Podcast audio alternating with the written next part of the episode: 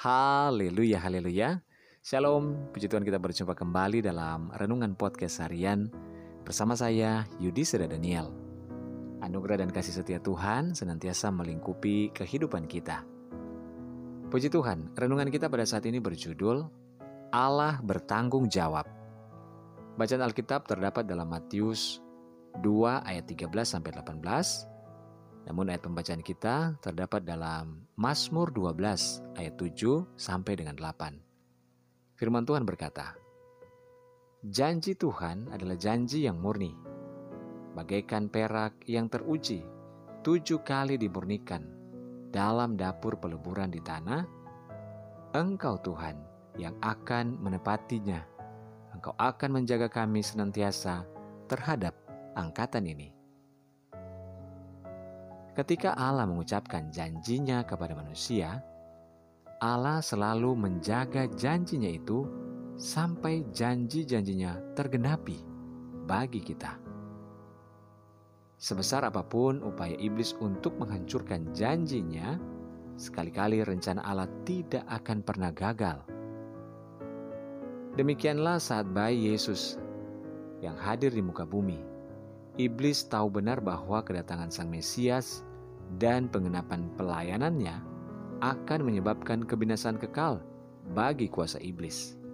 Oleh sebab itu, iblis berusaha dengan berbagai macam cara untuk dapat menggagalkan rencana Allah itu.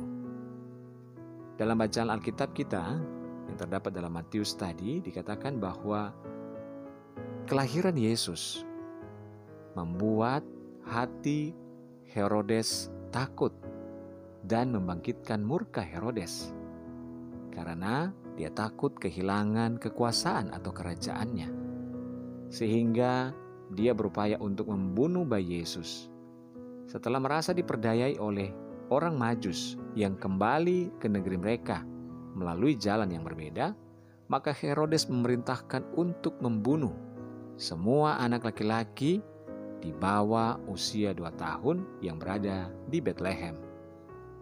Perintah ini menggenapi nubuatan lama yang terdapat di dalam Matius 2 ayat 17 dan Yeremia 31 ayat 5. Saudara, dari kisah ini kita mengetahui bahwa rencana Allah tidak dapat digagalkan oleh iblis.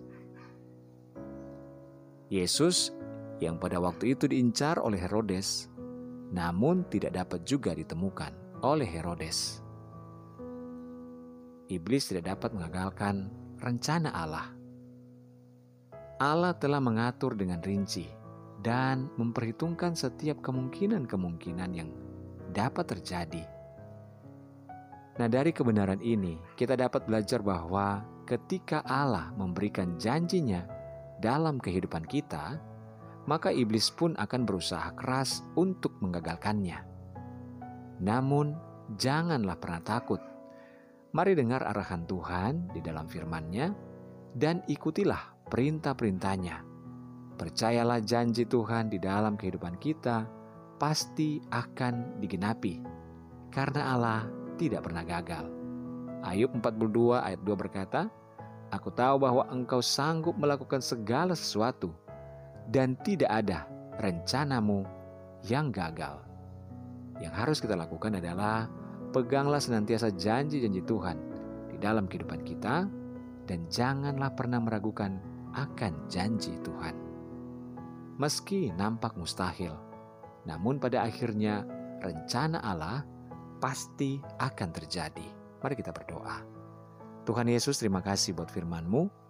Kami mau berpegang teguh pada janjimu yang adalah iya dan amin dan pasti tergenapi dalam hidup kami. Terima kasih Tuhan, kami serahkan hidup kami kepadamu saat ini. Berdoa bagi saudara-saudara kami pendengar renungan podcast harian ini di mana pun saja berada, baik yang ada di Indonesia dan di mancanegara, dalam segala pergumulan yang berbeda Tuhan tolong.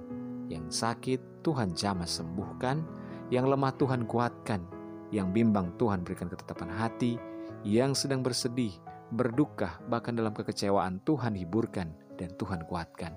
Berkati setiap rumah tangga yang ada, setiap para suami-suami, istri-istri, anak-anak, dan orang tua diberkati dalam nama Tuhan Yesus. Mujizat Tuhan nyata atas kehidupan kami.